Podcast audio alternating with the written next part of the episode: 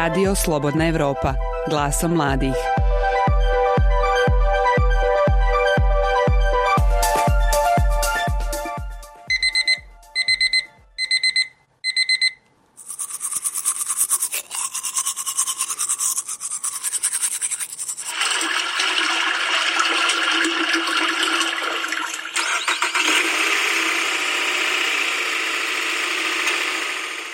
Ovako počinje radni dan u životu 32-godišnjeg Adisa Dreka iz Jajca, koji ustaje u pola šest da bi se spremio za posao na CNC mašini u firmi Thermoflux u Jajcu.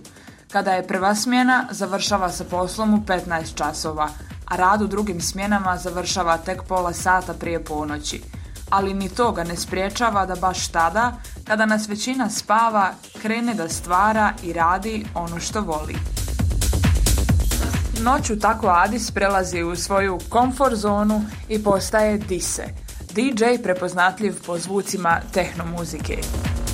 Pa da je naporno jest, ali čef je čef. No, Adis nije jedini čiji dan izgleda ovako. Diplomiranom pravniku, a trenutno zaposlenom scenaristi u marketinškoj agenciji u Banja Luci, Dušanu Jokiću, noći su rezervisane za stand-up. Malo je recimo bilo tako što su otici majke ispred vrata stajali, majka drži onaj toplomjer, jeli, sa vizirom, a otac pored nje sa spiskom zvanica, zvance dolazi, ona mjeri temperaturu, otac upisuje ovaj temperaturu i tako dalje. Na primjer, kum sad ulazi, kum pruža, kreće pružati ruku da se poljubi, ne, ne, ne. Prvo temperatura, pa onda sretna slava. O tome kako je baviti se jednim poslom danju i na taj način osiguravati svoju egzistenciju, a noći provoditi radom u oblasti koju volite, govorimo u novoj epizodi podcasta Glasom mladih. Sa vama je Sara Velaga.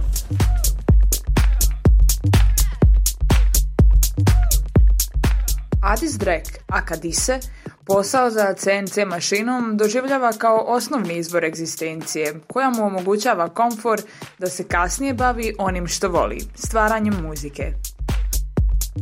Završio sam srednju školu, zvanje tenčar za telekomunikacije 2008. godine. E, fakultet sam bio upisao 2010. Neku malu pauzicu napravio u Mostaru. Fakultet informacijskih tehnologija gdje sam u biti počeo svoje prve korake sviranja, opreme i ostalo sve što ide uz to. Dobro, evo kada se već osvrnuo na svoje početke, da se odmah nadovežemo na to pitanje, kako su zapravo i gdje počeli tvoji početci sa elektronskom muzikom i kako je to izgledalo? Pa klasična priča, mislim, svakog DJ-a na svijetu. Prvi put kad je otišao na party, kako kažu, once raver, always raver. E, pa zanimalo me što kako on to radi, šta on to radi, šta odvrće, šta zadvrće, kako to funkcioniše, jednostavno me fasciniralo to sve. Nakon toga nisi se zaustavio na tome, nego si uspješno organizovao brojne partije, čak si imao i neke inicijative za festivalima, ali evo, izostala je, možemo reći, lokalna podrška tvog grada Jajca, pa šta ističeš kao svoja najveća dostignuća kada je u pitanju DJ scena ili elektronska muzika? Bio je u planu festival neki kod nas na tvrđavi u Jajcu. Nisam siguran koja je to godina bila, možda neka 2011. 2012. Naravno, pomoć od opštinske tadašnje vlasti je izostala zbog nekih predrasuda, mišljenja, ne znam nija čega nebitno. Uglavnom nisam uspio, što me naravno nije spriječilo da nastavim praviti neke svoje partije na jezeru, nek, po nekim šumicama, malo se sakriti od svega. U biti pravi neke partije kod nas u Jajcu sa nekim različitim žanrovima, na primjer Pupa Hava koja je većinom bazirana na tech house, neke laganije ritmove i Secret Kingdom koji je više onako tehno orijentisan, malo tvrđi zvukovi.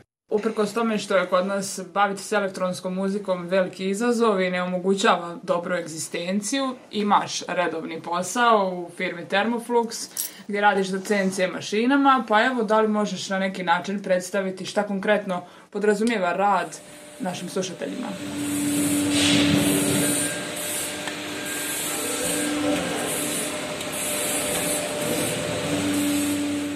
Trenutno radim u Thermoflux e, firma jel, za proizvodnju kamina i kotlova na pelet. Radim na CNC mašini, odnosno CNC presi na kojoj savijamo limove, jeli, u neki njen krajni oblik, nakon čega ide u dalju obradu i sastavljanje varenje i šta već ne, od koga se biti dobije gotov proizvod, odnosno kamin. Da li bi mogao egzistirati da se baviš samo muzikom takve vrste ovdje u Bosni i Hercegovini i na Balkanu? Pa da se može egzistirati, može. Imam odličnih primjera u našoj državi i regiji. E, odličnih primjera ima naravno, da je teško jeste, ali trenutno mislim da je nemoguće s obzirom na pandemiju i sve ostale probleme koja je pogodila sviju, a možda čak najviše muzičari i ugostitelje. Na koji način zapravo usklađuješ svoje redovne i večernje kreativne obaveze, odnosno kako uopšte uskladiti svoj redovni posao sa stvaranjem muzike noću? Pa naporno je, zna biti dosta i često naporno s obzirom da i oko organizacije partija manje više trenutno radim sam. Da je malo naporno jeste, s obzirom da vrlo često kada, na primjer, završim drugu smjenu, dođem kući pa sviram, tražim muziku, slušam što često rezultira s tim da nekad i zakasni na posao, jeli, ali izdržava se.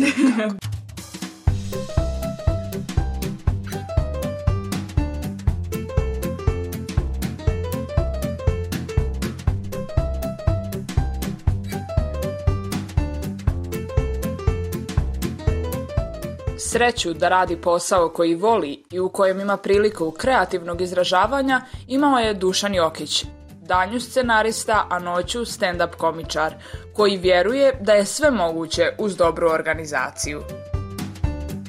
I taj posao koji ja radim, on obuhvata mnoge društvene pojave, e, društvene fenomene koje ja i kako koristim u stand-upu.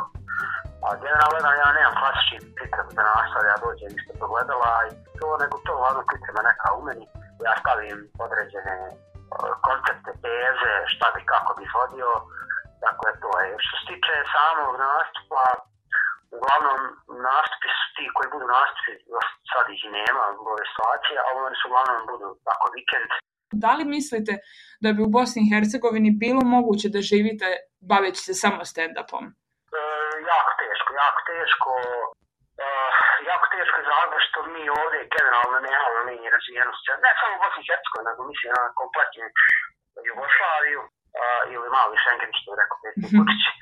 ovaj, dakle, generalno nemamo mi tu razvijenu toliko scenu, nemamo mi razvijenu toliko tu, kako bi rekli, sam pogled na kulturu. Mislim da ovdje ljudi imaju puno neke bitnije stvari, se bave nekim životnim problemima, ne da sad znate, neko dođe, žene muž, kaja, večera ću ići na stand-up e, i tako dalje. Mislim, generalno jako teško, to je, to je posao mača dvije oštrice. Vi možete recimo da imate mjesec dana nekoliko projekta ili to i da tu solidno zaradite, ali već za idućih mjesec dana, dva mjeseca ne bude ništa. Da li mislite da biste mogli biti dovoljno kreativni, inspirativni i slobodni da vam je posao koji volite osnovni izvor egzistencije? Pa, generalno, mislim, mislim da da, ali što se mene tiče u mom ovaj, primjeru, ja radim posao koji volim. Dakle, redovni posao koji ja radim, to je posao koji volim i koji je dosta blizak kažemo, ovom mom drugom a, neformalnom poslu. Ali mislim da, mislim da je to apsolutno sad, na primjer, e, da to bio veliki okidač sad kad smo znali primjer, da mi živimo u nekoj, ne znam, tamo zemlji gdje imaš razvijenu scenu, pa ti sad znaš, recimo, znaš mjesečno tri nastup osigurano od kojih ćeš zaraditi dovoljno za ovaj, ono, kao što imaš više nego dovoljno za mjesec dana, to je drugo.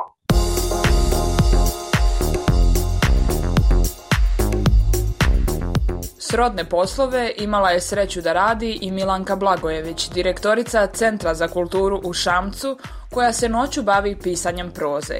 Do sada je objavila dvije knjige, a osim toga posvećena je i majka troje djece. Ljubav prema kulturi uspješno je uvezala tako Milankin dnevni posao i noćne sate posvećene njoj omiljenom pisanju pisanje je posao koji zahtjeva samoću, koji zahtjeva tu jednu disciplinu nekog stepskog vuka, da tako kažemo. Po prirodi svojoj, po nekoj svojoj energiji ne bih mogla sebe zamisliti uopšte i da imam vremena i da imam novca da živim samo od pisanja, ne bih sebe mogla zamisliti o toj ulozi, znači da sjedim po cijeli dan i da pišem. S druge strane ne mogu zamisliti život bez pisanja nekad govorim i u šali da bih voljela da se ne bavim umjetnošću, jer umjetnost je jedan kompleksan posao, prije svega traži ono kopanje po sebi i ono izvlačenje želučanih sokova koje nekad ne želimo u stvari da izvučemo onako na cjevčicu.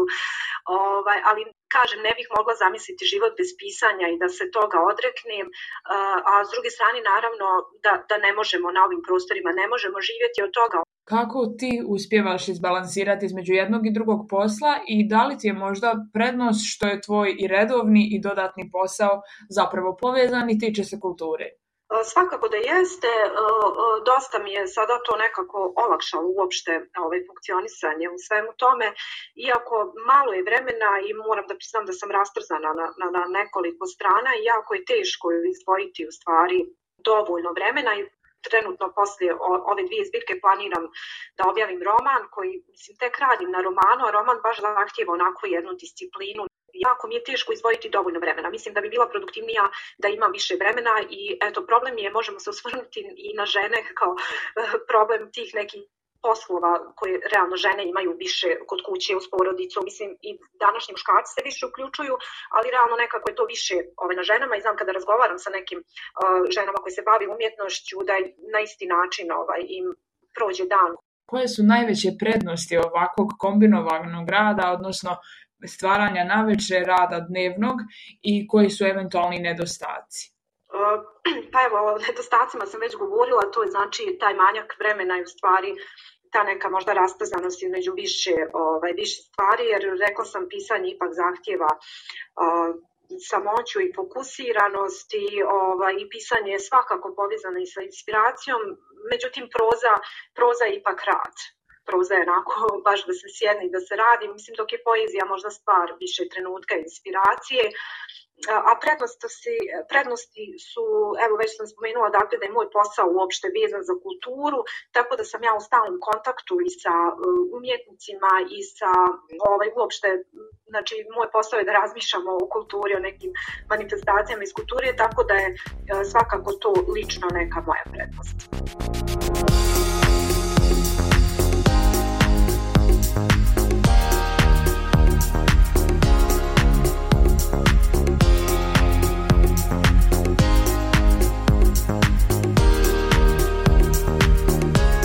Pisanjem, ali u malo drugačijoj formi, bavi se i Dajana Kuzmanović, diplomirana ekonomistkinja koja danju radi u fabrici obuće u Banja Luci. Naveče se pak posvećeno bavi pisanjem bloga Heroji po šiframa. Riječ je o blogu koji je pokrenula sa ciljem podrške svima koji su se borili sa karcinomom kao i ona sama. Objavila je istoimenu knjigu, ali je iskrena kada kaže da od samog pisanja ne bi mogla živjeti na Balkanu ja ne mogu da pišem po naručbi, da tako kažem. Jasno. Uh, probala sam i to, međutim meni to ne ide. Tako da mislim da ja ne bih mogla da živim od pisanja ovdje kod nas onako kako kod nas može da se živi od pisanja. Tako da ja uvijek kažem da imam osnovni posao da bih mogla da se bavim uh, onim što volim. Hm, jasno. Pa evo, koje su recimo nekakve prednosti takvog kombinovanog načina života i rada, a koji su najveći nedostaci? Da li jednostavno nekad nedostaje vremena bilo za pisanje, bilo za primarni posao? Pa e, ja svoj primarni posao stavljam ispred pisanja, moram da budem iskrena, jer to je nešto što donosi novac u moju kuću i od čega se moja porodica jednim dijelom hrani i živi, jednostavno zavisimo od toga. Uh, prednosti i nedostaci, ja sad nedostaci jesu, uh, odnosno svi se odnosi na vrijeme. Uh, odnosi se na to da bi nekad trebalo potići, ne znam, u neki jutarnji program, u neku emisiju, na neko snimanje, negdje u toku radnog vremena to ponekad mogu, ponekad ne. Ja zaista imam divne ljude s kojima radim i poslodavce i ljude koji razumiju da ja nešto moram na nekom drugom mjestu ponekad.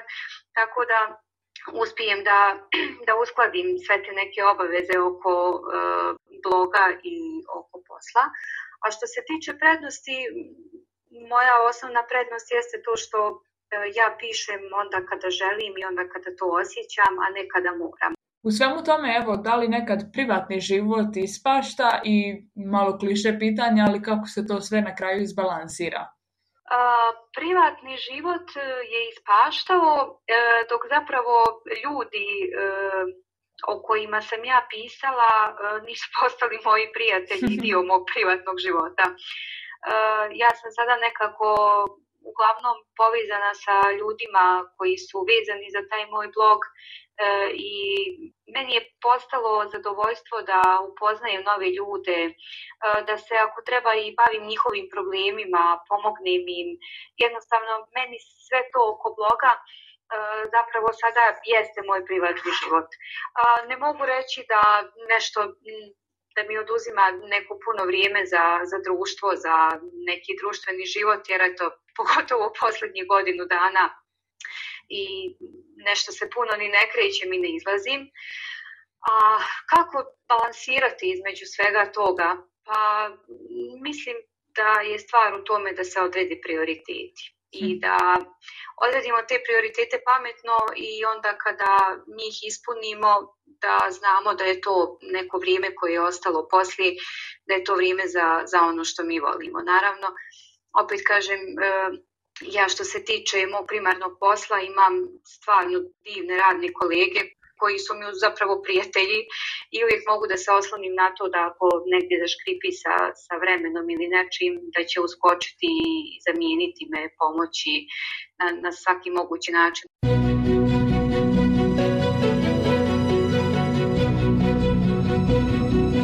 Slušate podcast Glaso mladih. Prethodne epizode pronađite na slobodnaevropa.org ili na Google i Apple podcast aplikacijama.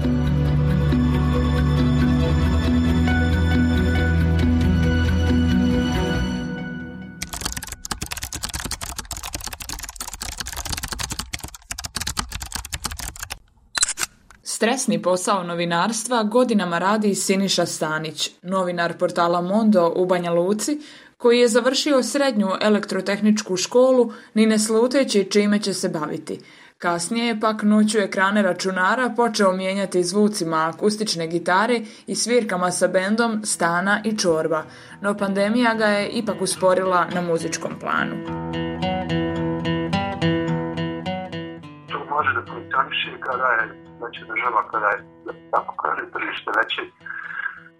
smo nekako ovaj, priđeni na neke lokalne recite koji su rijetke i, i loše plaćene. Tako da ja lično znam, možda dvojica, trojica ljudi u Banja žive, može sreće da žive od muzike, ali oni kombinuju obično to sa nekim ili imaju neki studio svoj ili iznajmljuju razlog, znači ne je smo da, da, da sviraju. Tako da mislim da je tu ono, mišljenim potrebom. Ja, ja lično ne mogu. Ja jedno vrijeme sam čak i pokušao, svirao sam ne znam, pričač zanično, ali to je bilo, ne znam, možda pola neke normalne plati, nego uz ogroman neki trud, tako da, mislim, ne, ono, ne, stvarno preporuču nikome to ne radi. Da li možda smatraš da imaš veću umjetničku slobodu, jer ti ne ovisi egzistencija od bavljanja muzikom? Pa da, da, da, ima, ima to smisla. Uh, u ovom slučaju dosta, dosta uh, puta sam ono, radio paralelno dva, tri poslića, mislim, glavni pustne i nešto sa strane.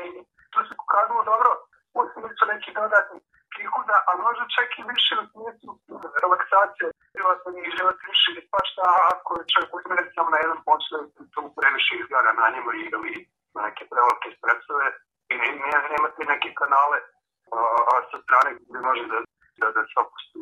Tako da, ne znam, se će od situacije do situacije, a naravno, ako čovjek ne trpa se nekih viših poslova, da će reći svašta, ali vjeru mislim da je to dobro ako imaš neka dva, eventualno tri posla koja, koja su pomalo različiti, da pomalo slični i on guraš paralelno, to uopšte nije, loš varijant.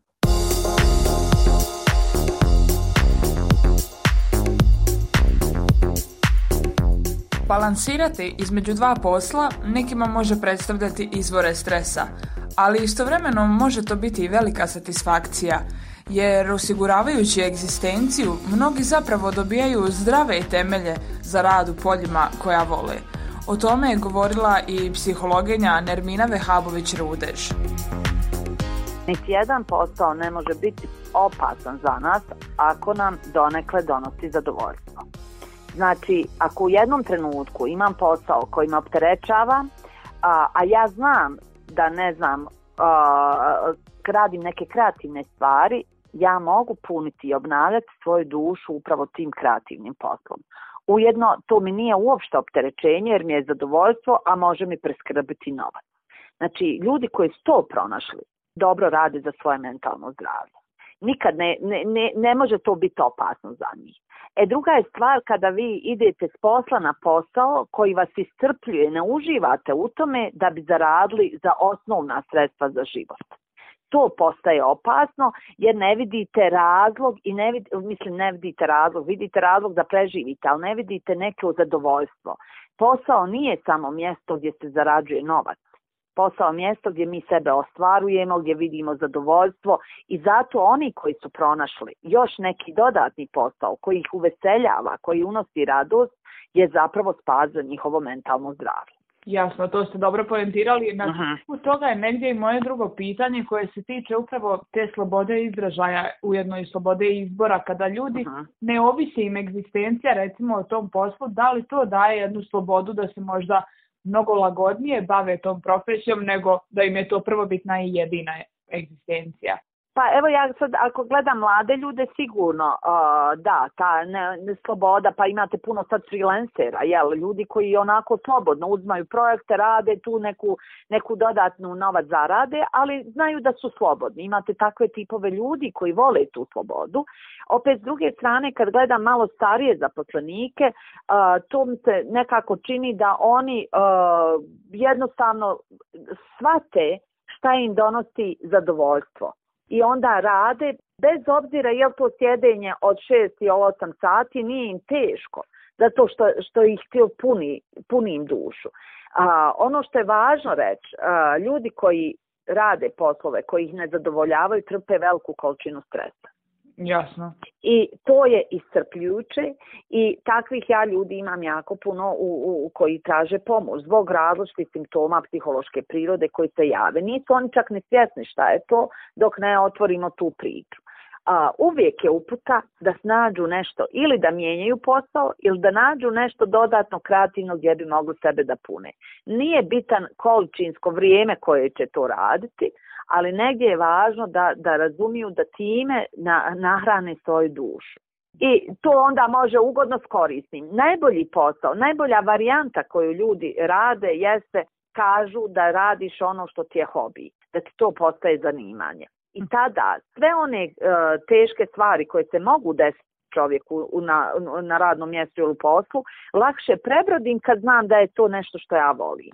Jasno, tu se slažem apsolutno. Da. I evo na tragu toga i moje posljednje pitanje, ono se tiče pojma identiteta, odnosno pojma identiteta i predrasuda. Recimo neki od mojih sagovornika su ljudi koji rade baš diametralno različite poslove. Pa evo, jedan od njih je recimo diplomirani pravnik, a u slobodno vrijeme stand-up komičar. Drugi od njih mm -hmm. radi u proizvodnji termopeći, najveće je DJ. Koliko mm -hmm. zapravo kako prigraliti i shvatiti da osoba nije isključivo jedna profesija, nego mnoštvo više identiteta i kako jednostavno razviti predrasudu da neko ko radi nešto danju može biti nešto sasvim pozivno drugo noći.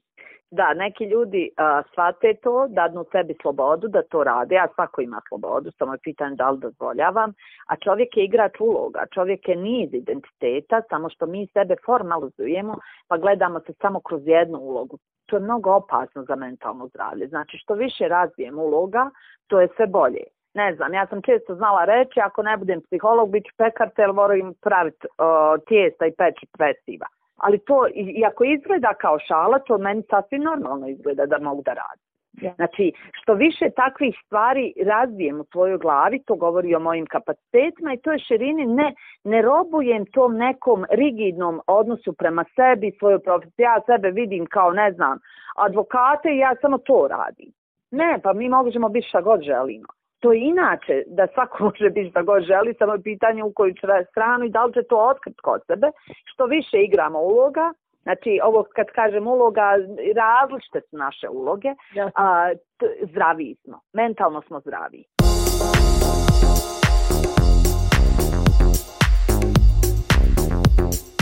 I zaista, u paleti raznolikih boja, šarenila izbora, profesija, ljubavi i poslova, teško je ostati samo na jednom izboru.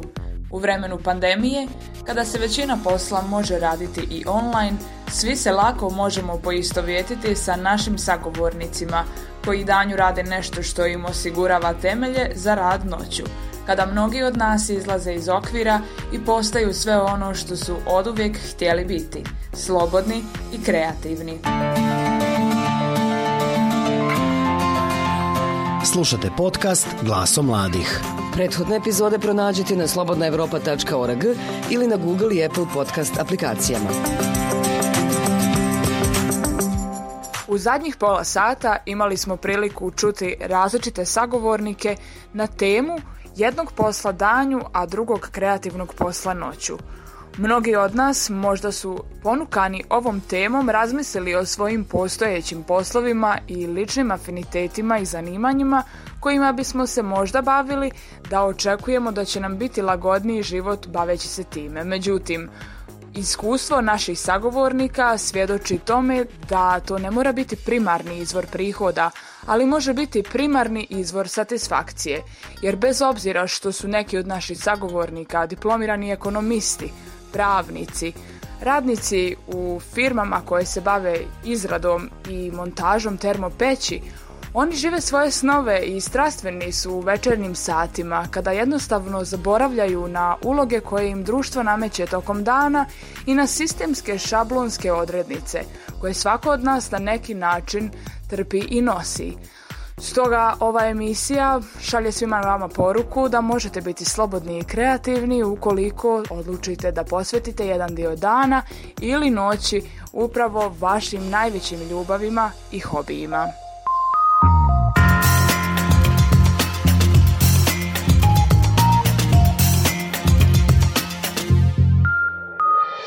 Toliko u ovom izdanju Glasom mladih. Pozdravljaju vas Svjetlana Petrović i Sara Velaga uz poziv da ostanete i dalje sa nama. Ukoliko ste propustili prethodne epizode našeg podcasta, možete ih pronaći na našem sajtu ili na podcast aplikacijama. Naše druge sadržaje također možete naći na slobodnaevropa.org, na društvenim mrežama Facebooku, Twitteru, Instagramu, YouTubeu. Sa vama smo i naredne sedmice. Do slušanja.